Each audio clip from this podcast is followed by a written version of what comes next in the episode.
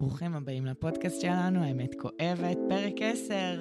גילי, אהלן טלטל. מה העניינים? וואו, מהמם, שומעים אותך טוב. שומעים גם אותך ממש טוב היום. איזה כיף. ממש. בואי נשתף במדרגה מרגשת שקפצנו, אה, החלפנו ציוד, נכון. וזה בהחלט נשמע הרבה יותר טוב. אה, אני חייבת לומר. אה, גם הקשבנו לכם, כי אה, כל אה, אנשי הסאונד למיניהם שהעירו לנו שזה נשמע קצת פחות טוב, אז אה, הנה הקשבנו, ועלינו כיתה. בהחלט עלינו כיתה. ממש. אז אה, שלום כיתה א', שלום כיתה א', על מה נדבר היום, טלטל? אה, היום אני אביא שוב נושא מפוצץ כמו תמיד. לא יודעת, יש משהו שמעניין אותך? תראה, הרבה דברים מעניינים אותי, מהמם. אה, אבל בסופו של דבר, הכל מסתכם ברגש, לא? אמ, אני מבינה לאן את הולכת. רוצה לדבר על המערכת הרגשית של הבן אדם? על רגשות? מה זה רגשות? לזה את מתכוונת? כן. וואו. אז, אז בואי, זה, יש לי איזה סיפור שאיתו, אגב, אני מתחילה אפילו את הקורס שלי. והוא סיפור מהמם כדי להבין בכלל על ה... מה שולט בבן אדם. תשמעי, זה סיפור שקרה פה בארץ, ולדעתי הוא קרה לפני אה, ארבע שנים. אה, הסיפור יצא כזה, יצאו שתי משפחות אה, נורמטיביות לחלוטין מהבית שלהם, זוג שהיו בני בערך 75, ועוד זוג צעיר עם שני הילדים שלהם. נוסעים לכיוון הקניון ברמלה. אוקיי.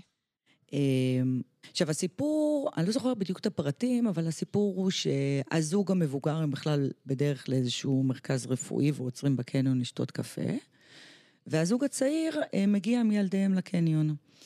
וכשמגיע הזוג הצעיר, הזוג המבוגר כבר נמצא בקניון בחנייה, והאישה יוצאת מהאוטו כדי לכוון את בעלה לחנייה. וקורה שם איזשהו עימות, זאת אומרת, הבחור הצעיר יוצר מהאוטו וצועק על האישה הזאת שהיא לא מכוונת טוב את בעלה, והם תופסים יותר ממקום חנייה אחד. אה, באיזשהו שלב היא לוקחת את התיק שלה והיא עודפת בבחור הצעיר. אוי, אה, הבחור הצעיר כנראה דוחף אותה, ובעלה, הגבר בן ה-75, יושב באוטו, הוא רואה את אשתו, נופלת על הרצפה שגבר תוקף אותה. הוא לוקח את האקדח שיש לו באוטו, יוצא החוצה, דורך אותו, ויורה בגבר הצעיר, הורג אותו במקום מול אשתו, מול הילדים. איזה סיפור מזעזע. זה סיפור מזעזע ביותר, כי הוא, הוא בעצם מראה לנו שגם אנשים שאין להם אה, רקע בעייתי, או משפחות נורמטיביות לחלוטין, אוקיי? שתי משפחות התפרקו ביום אחד. וואו. והסיפור הזה, את יודעת, מה הוא מלמד? הוא מלמד שבחיים לא משנה מה אנחנו יודעים. השאלה מה אנחנו מרגישים, כי מה שמנהל את האדם זה הרגש שלו. אני יכולה לדבר על אמונה, על שליטה עצמית, על איפוק, אבל ברגע האמת שמתעורר לאדם כעס או פחד או... יוצא הקוף. זהו. הוא הופך להיות בעל חיים קטן. אנחנו נהיים אה, עבדים של הרגש. מכירה את השיר של אה, ברי? כולנו העבדים. בדיוק. זאת אומרת שכל התודעה לא עוזרת ברגע שמתעוררת בבן אדם בהלה. משהו שולט פה. את יודעת מה, אפשר לקחת דוגמה יותר פשוטה, לא צריך ללכת לטרגדיות היסטריות. נגיד והתחייבתי לקום כל בוקר מוקדם, מהמם. אני שמה את השעון, השעון מצלצל בבוקר ואני מקבע אותו. מכירה את זה? אה, מכירה על אחרים. אוקיי? אז, אז למה? השתלטה עליי עצלנות, אוקיי? או דוגמה אחרת, אה, ברגע של כעס, אני נזכרת במשהו, ואני מצלצלת עכשיו לא- לאותו אובייקט, ואני שופכת עליו ערימות של, אה, של כעס ואת כל העצבים שלי, הרי אני אתחרט על זה שנתיים, נכון? מכירה את זה? אחר כך כואבת הבטן אחרי השיחה, כן. זאת אומרת, אתה לא שולט בזה, אתה לא שולט בזה, אנחנו עבדים של הרגש. זה בעצם אינסטינקט חייתי. ממש. זאת אומרת שמה שאנחנו מבינים מזה, שהכוחות שבאמת עובדים עלינו, הם כוחות אמוציונליים, לא כוחות רציונליים. זאת אומרת, אפשר לדבר הרבה על עצמנו ולהתהדר בכל מיני תכונות שאנחנו משייכים לעצמנו, אבל תכלס, אנחנו עבדים של מערכת שהיא מאוד מאוד פרימיטיבית, והבסיס שלה, היא מבינה רק, את מכירה את fight, flight, freeze? כן. זאת אומרת שזה כמו ברח, יילחם, או... אז בעצם המערכת שלנו, זה מה שהיא מבינה. אלה, אלה האפשרויות שלה, אין לה אפשרויות אחרות. עכשיו, זה נכון, התגובות האלה הן נכונות כמו בטבע, אוקיי? שרואים איילה שרודף אחרי האריה. היא, היא יכולה בהתחלה להשתמש בכוח שלה כדי לברוח, אה, אבל יש איזשהו שלב שהיא נכנעת, והיא פשוט קפואה במקום. זאת אומרת, יש לנו מערכת שהיא לא שונה ממערכת של חיות, של בהמות. ואת יודעת, אין שאלה יותר גדולה יותר מזה. של כל המטפלים הרגשיים, תטא אילינג, אה, אה, אפילו כל מי שנמצא, שמתעסק בתת מודע, פסיכולוגים כמובן. שאלת השאלות, איך חודרים למבצר הזה? אני, יש לי שאלה אחרת. שלי? אפשר בכלל לשלוט בזה? אוקיי, זו שאלה מצוינת. זאת אומרת, אפשר בכלל לאלף רגש? איך חודרים בכלל למבצר הזה? זאת אומרת, את יודעת, האדם הוא לא מה שהוא עושה. בן אדם יכול לעשות הרבה פעולות. האדם אבל הוא מה שהוא רוצה לעשות, אוקיי? אוקיי. זאת אומרת, זו בדיקה אישית של כל בן אדם, למה אתה באמת משתוקק? מה אתה שונא?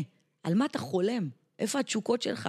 כי זה באמת מה שאתה. זה הבן אדם האמיתי. תחשבי, אנחנו חיים בעולם שכולו ריגוש, אוקיי? אוקיי. האיכות חיים של הבן אדם היא במחשבות שלו, ברגש שלו, אוקיי? אז איך בעצם עוברים לחיים של ריגוש? איך בן אדם שרוצה להתלהב מהחיים מכניס התלהבות לחיים שלו? איך כאילו אנחנו יוצקים תוכן חדש? אז, אז בואי נדבר רגע על הרגש, טוב? בואי. הרגש הוא, הוא פשוט, וזה גם הכוח שלו, הפשטות. הרגש הוא ספונטני, הוא פרימיטיבי ובכוונה, הוא גם מאוד מהיר בכוונה. זאת אומרת, הרגש הוא בעצם החלק הבהמי שלנו, אוקיי? אוקיי. יש לי עוד איזשהו סיפור אה, חמוד.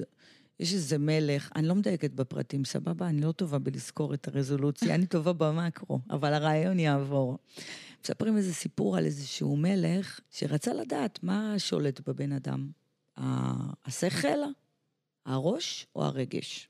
אז הוא הזמין את מי שהיו מבינים באותה תקופה, הזמין כומר והזמין רב, ואמר להם, בואו תוכיחו לי. והם דיברו ודיברו ודיברו, ואמר להם, טוב, תקשיבו, אני לא הבנתי כלום. כל אחד פה הולך הביתה לחודש, חוזר אחרי חודש ומציג את הטענות שלו. טוב. אחרי חודש, דופקים לרב על הדלת, הוא בכלל באמצע העניינים שלו, מסתכל, רואה את השומרים של המלך, אומר לו, מה אתם עושים פה? עבר חודש. אומרים לו, בוא, באנו לאסוף אותך. טוב. הרב לא יודע מה לעשות עם עצמו, הוא בכלל לא התעסק בזה, הוא התעסק בקיום מצוות, הוא לא התעסק עכשיו בלהרשים את המלך. אומר, טוב, בוא, בוא נתארגן ונצא. אני בעיקר אוהבת את הסיפור הזה, כי הם מספרים שהרב הזה, היה לו קופסת טבק, אז uh, אני מאוד מתחברת לאלמנטים, סתם, זה בכוכבית קטנה. הוא אוסף את הציוד שלו והולך לבית המלך. מגיע לשם הכומר, והכומר מציג חתול מאולף, שהולך על שתי רגליים, ומגיש שתייה, ונראה מאוד מרשים, והרב לא יודע מה לעשות עם עצמו. הוא באמת לא יודע מה לעשות, איך, איך עכשיו אני, איזה קונטרה אני מביא פה. טוב, מהר טוב, בוא נתפלא רגע לבורא עולם, נראה מה נעשה, אולי אה, נוציא את קופסת הטבק שלי, אה, נעשן משהו ונתקדם, והוא פותח את קופסת הטבק שלו, שהיו פעם קופסאות גדולות כאלה מעץ, ומהקופסה הזאת קופץ עכבר. אוי. העכבר הזה מתחיל לרוץ, מה קורה לחתול? עוזב את השתייה, יורד על ארבע רגליים ורץ אחרי החתול. זאת אומרת, הכוח של השכל הוא מוגבל. עד שמתעורר רגש, אוקיי? Mm. עכשיו, כל אחד קופץ לו עכבר. כל אחד יש לו גם אה, עקב אכילס אחר. יש מי שהוא מגיב לא טוב כשהוא עייף, יש מישהו שהוא מגיב לא טוב כשהוא רעב, מישהו שלא מגיב טוב שמעליבים אותו, אוקיי? אז, אז השאלה שנשאלת זה בדיוק השאלה שאת שאלת. זאת אומרת, האם זה, זה סוג של גזירת גורל שאני אהיה עבד של האופי שלי?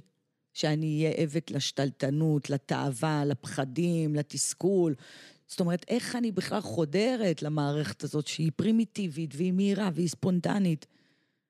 אז בוא, בוא, בואי נדבר רגע, אוקיי? בואי, בואי נדבר רגע. אנחנו בדיוק מדברות אה, ערב שבועות. עכשיו, יש, אה, מדובר פה על ספירת העומר. ספירת העומר זה מעין הכנה לקראת חג שבועות, שהשם, אחד מהשמות שלו זה חג מתן תורה. עכשיו, בספירת העומר, מה שאנחנו בעצם אמורים לעשות, מעבר לסממנים החיצוניים, לא להתגלח, לא להתחתן, זה שאנחנו אמורים לברר מה אנחנו מרגישים. מה אנחנו אוהבים, מה מרגיז אותנו. למה? כי זה הבן אדם.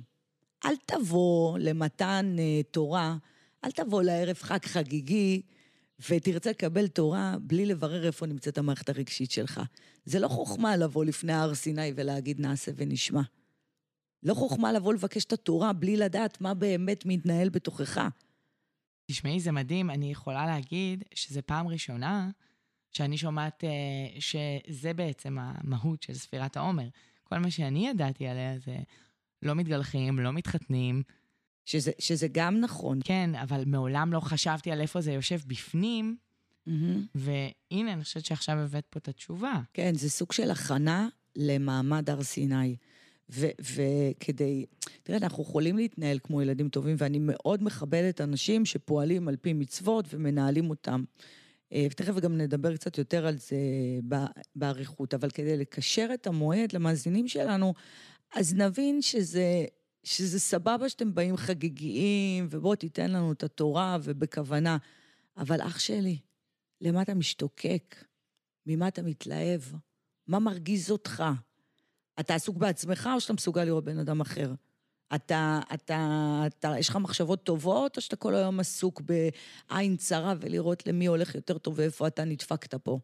זאת אומרת, שוב פעם אני אגיד, האדם הוא לא מה שהוא אומר. האדם הוא תנועות החשמל שיש לו בגוף. זאת אומרת, מה גורם לך להתרגשות? כל אחד שיעצור רגע וישאל את עצמו, מה גורם לך להתרגשות? אתה, אתה נהנה לעשות טוב, או שאתה רק אה, חושב על כמה כסף אתה תעשה? אתה חושב על, ה... על איך אתה יכול לעשות טוב לבורא, איך אתה יכול לעשות טוב לבן אדם אחר, או שאתה רק רוצה לעשות לעצמך. עכשיו, את זוכרת שדיברנו על זה שהמערכת האמוציונלית שלנו מאפיינת בהמה? Mm-hmm. אז, אז הבן אדם נבדל מהבהמה בזכות הדעת שלו. זאת אומרת, לבהמה אין דעת. אבל האם הדעת יכולה להשתלט על הרגש? בואי. בואי, על זה אנחנו מדברות. אפילו בואי בוא ניקח את התיאור הזה של uh, בני ישראל שיוצאים uh, ממצרים. במה, במה הם היו עסוקים? היה להם תודעה של עבדים, של שורדים, רגשיים מאוד, מתלוננים, פחדנים, כי תחזיר אותנו למצרים, רק למוכר ולידוע. אבל איפה, איפה, איפה החינוך? איפה האמונה? איפה האיפוק? וזה כל העניין של. הרובד היותר עמוק של יציאת מצרים, כי שם מתחילה העבודה הרגשית של הבן אדם. כי... של מה? של דרך ארץ קדמה לתורה? גם. זאת אומרת, אתה צריך להבין את התנועות הרגשיות שלך. אתה, כולנו מגיעים לפה בתודעה של אה, עבד, הישרדות, חומר. איך אתה משנה את הדבר הזה, לה, להבין את הערך האמיתי של הדברים, לא מה יוצא לי מזה, את ה...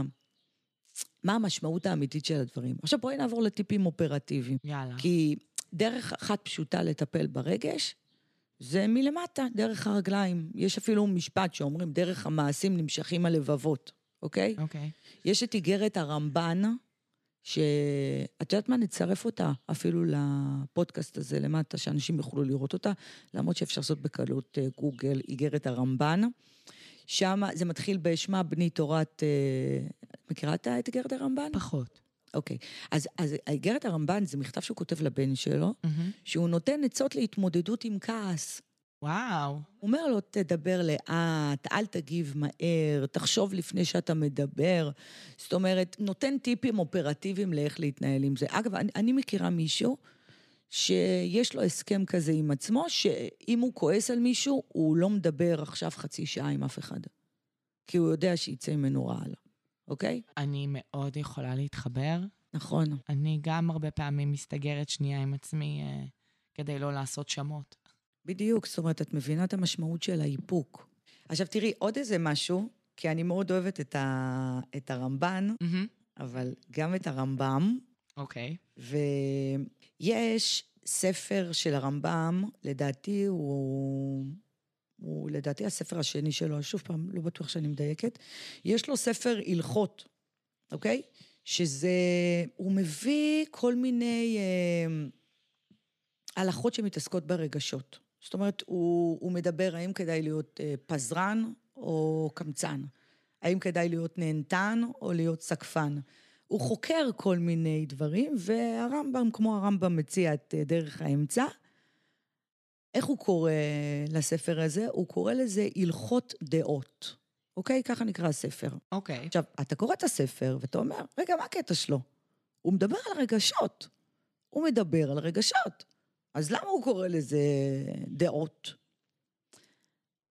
אז האמת היא שהרמב"ם הביא פה יציאה שמשנה את כל הסיפור. מה הוא אומר? מה הוא אומר? הוא אומר שהאמת היא שדעה משנה רגש. זאת אומרת, גישה אחרת יוצרת הרגשה אחרת בלב. רוצה לומר, כל הרגשה היא תוצאה של גישה, אוקיי? תחשבי כמו, את יכולה לראות אה, משהו ולחשוב משהו מסוים ולהרגיש משהו, כמו, את זוכרת שפעם דיברנו על דוגמה שלמשל את ואני יכולות לצאת החוצה ברחוב ולראות איזה גבר שהוא סוחב אישה, ובך זה יעורר כעס, ואת תגידי לי, בואי נתקשר למשטרה, או בואי נעצור אותו, ומי מתנהג ככה לנשים? ואז את אמרת שאת אה, ראית את זה, אמרת, אני רואה אותם כל יום עוברים, והוא מטפל בה, ודווקא זה ממש יפה. נכון, זאת אומרת, זאת אומרת, ברגע אחד כל הזעם שהרגשת באותה סיטואציה, יהפוך לחמלה. הוא יהפוך לחמלה. מה, מה השתנה? אני גם קצת ארגיש טיפשה. נכון, נכון. אני בטוחה שזה קרה גם לעוד כל כך הרבה אנשים, כי אי אפשר שלא. אתה אחר כך בא לך, כמובן אה, לא בסיטואציה כזאת, בסיטואציות אה, קצת יותר רציניות, זה לפעמים בא לך קצת למות. מה זה? זה, זה כאילו פתאום אתה עובר על הזעם, מזעם על ההוא לזעם על עצמי. לשאלות, למה לא עצרתי לרגע? למה הסקתי מסקנות? זאת אומרת, מה השתנה? הגישה שלך השתנתה. זאת אומרת שבשביל לשנות איזושהי מידה, איזשהו רגש, צריך לשנות את השכל, אוקיי? זאת אומרת, אבל מה קורה? על רגשות... שזה כבר תהליכי ניקוי בעצם? שאנחנו עושים, מנקים ומשנים בעצם את ה... אנחנו משנים את הדעה, כי מה קורה? על רגשות אי אפשר לצוות. כי הן ספונטניות, זה גם הכוח של הרגש. מחליטות עלינו? לא, שהוא פרימיטיבי ומהיר, הוא אמור לצוז מהר. זאת אומרת, אנחנו צריכים לשנות את הדעת. זאת אומרת, תקחי את הדוגמה, בואי ניקח עוד פעם את הדוגמה מהטבע, mm-hmm. אוקיי?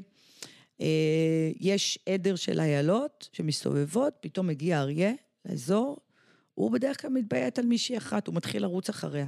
כל העדר הולך למקום אחד, והיא ממשיכה והיא שורדת. בהנחה שהצליחה להתחמק ממנו, היא מוצאת את דרכה חזרה אל הקבוצה שלה. עכשיו, אם זה היה קורה לבני אדם, עכשיו מישהו תוקף אותך ואת רצה לחברות שעכשיו זה טיפול של שנים, ובוא נדבר על זה, ובוא ננתח את זה, ובוא נראה. המערכת הרגשית שלהם, של הבהמות, היא מאוד פשוטה. איילה מגיעה לחברות שלה, היא לא אומרת להם, אריה, חתיך, רדף אחריי, עקף אותי מפה, הרגשתי ככה. היא חוזרת לעדר, היה, נגמר, התקדמה. אוקיי? אנחנו נתקעים ברגש. זאת הבעיה שלנו. כי הוא נצרב? כי, כי אנחנו אוהבים, זה כמו פצע בפה. את מכירה את זה שיש לך פצע קטן בפה ואת יודעת שזה כואב ואת... אה, אה. אנחנו אוהבים לגרד את זה. אנחנו אוהבים לגרד את זה. תראי, אני לא אדבר פה על ה... אולי יום אחד נקדיש איזשהו פרק שנדבר על עץ החיים ועל עשר הספירות. אוקיי. Okay. אבל שם יש את כוחות uh, הרגש של הבן אדם, אוקיי? יש כל מיני uh, תנועות שאפשר להכיר בבן אדם על ידי התבוננות בעץ החיים, אבל את יודעת מה? בואי נקשר את זה אפילו למה שאנחנו עושות פה, אוקיי? זה לא חוכמה רק uh, להקשיב למה שאנחנו אומרות. זאת אומרת, אתם מסיימים להקשיב לאיזשהו פרק, צריך לדבר אל הלב שלכם. ממש, צריך לדבר אליו שונה מאשר אל המוח, לדבר פשוט. זאת אומרת, מה, מה הרעיון בסיפור טוב? למה אנחנו מספרות סיפורים? מה אנחנו חושבות שיקרה? איך נשפיע? המוסר השכל? יותר מזה, את צודקת, את הלכת למסקנה, אבל תחשבי, סיפור טוב מעורר רגש. זאת אומרת, שמעתי את הפודקאסט, הבנתי את הדברים, ואז מגיע השלב שאני מחבר את זה לחיים שלי, אוקיי?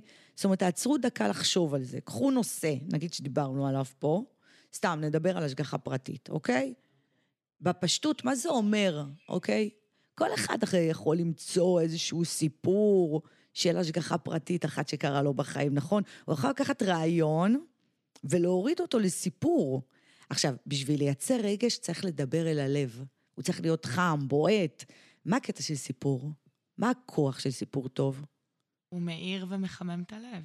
כן, סיפור טוב מתרגם רעיון לרגש, אוקיי? זאת אומרת, זה עובד, אני שומע סיפור שמישהו עבר, הלב רוטט. בדיוק. זה הופך ממש לחומר.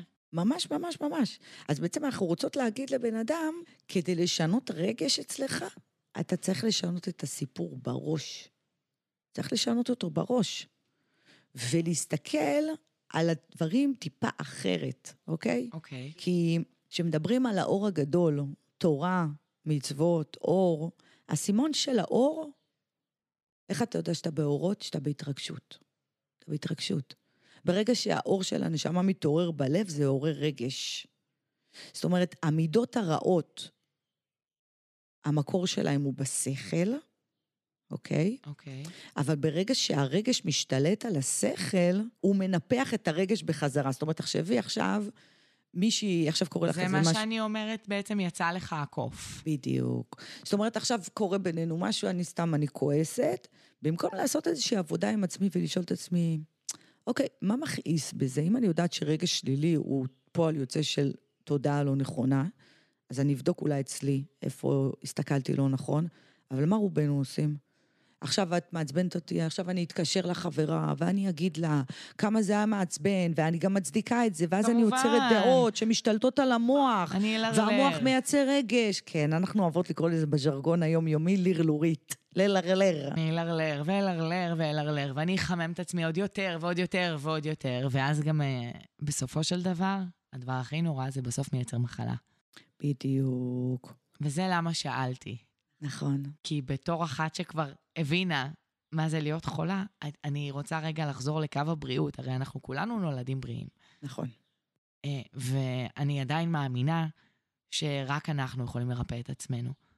עם כל העזרים של התרופות ו- והרפואה, אני בסופו של דבר לגמרי מאמינה שזה בתוכנו. אז לכן עניין אותי כל הסיפור הזה, האם אנחנו בכלל יכולים לשלוט ברגש? איך מנהלים את זה? בצורה חד משמעית, אדם חייב לשלוט ברגש שלו.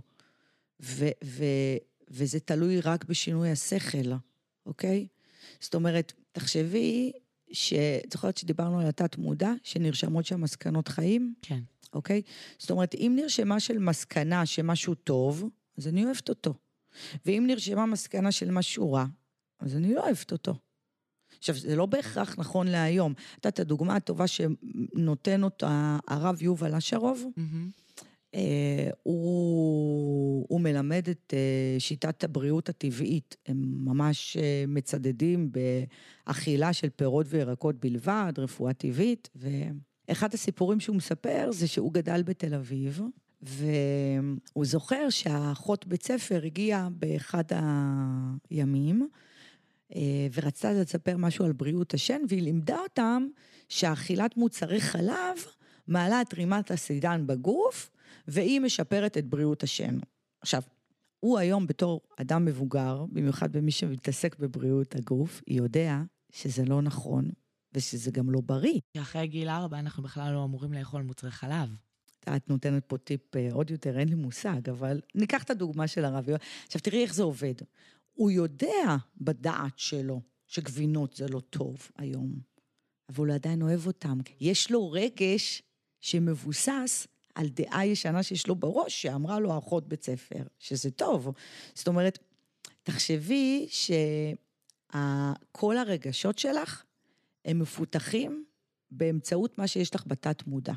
את יודעת מה, אמרתי איזה משפט מקודם על עשר ספירות, בוא, בוא ניתן, מכירה את חוכמה, בינה ודעת? מכירה. אוקיי. חוכמה, בינה ודעת זה בעצם כמו האונה הימנית, האונה השמאלית והתולדה. אוקיי. בחוכמה אתה קולט את ה... קולט את המציאות. בבינה אתה מקשר אותה למה שכבר קיים אצלך בזיכרון, והדעת היא בעצם הבייבי, התולדה של החוכמה והבינה, אוקיי? זאת אומרת שכל מה שאתה רואה במציאות, זה פועל יוצא של הדעת שנצרבה לך כבר בילדות. זאת אומרת שאם בן אדם רוצה להשתנות, אז קודם כל תהיו בטוחים שאפשר, כי זאת מהות הנשמה שלנו כאן. ודבר שני זה להבין שחוסר איזון רגשי הוא בעצם דברים לא פתורים בתת מודע שלנו. זה מקור החולשה שלנו. וכשהם קופצים, זו הזדמנות מצוינת אה, לטפל בהם ולהיפרד כידידים. בול. בול. אז, אז, אז היום הבנו וגם קישרנו את זה, וגם נגיד חג שמח. חג שמח. שאנחנו מאחלות לכל מי ששומע אותנו היום, גם אם עבר חג שבועות, שתרגישו את הרגש שלכם נקי ואוהב ומקבל ופתוח, כי זאת התורה האמיתית. ואני חושבת שאת זה צריך להרגיש כל השנה. בדיוק. אה, ובנימה אופטימית זו, אנחנו ניפרד להיום, ובברכת חג שמח. אז חג שמח. חג שמח, טלטל. ונתראה שבוע הבא. בהחלט.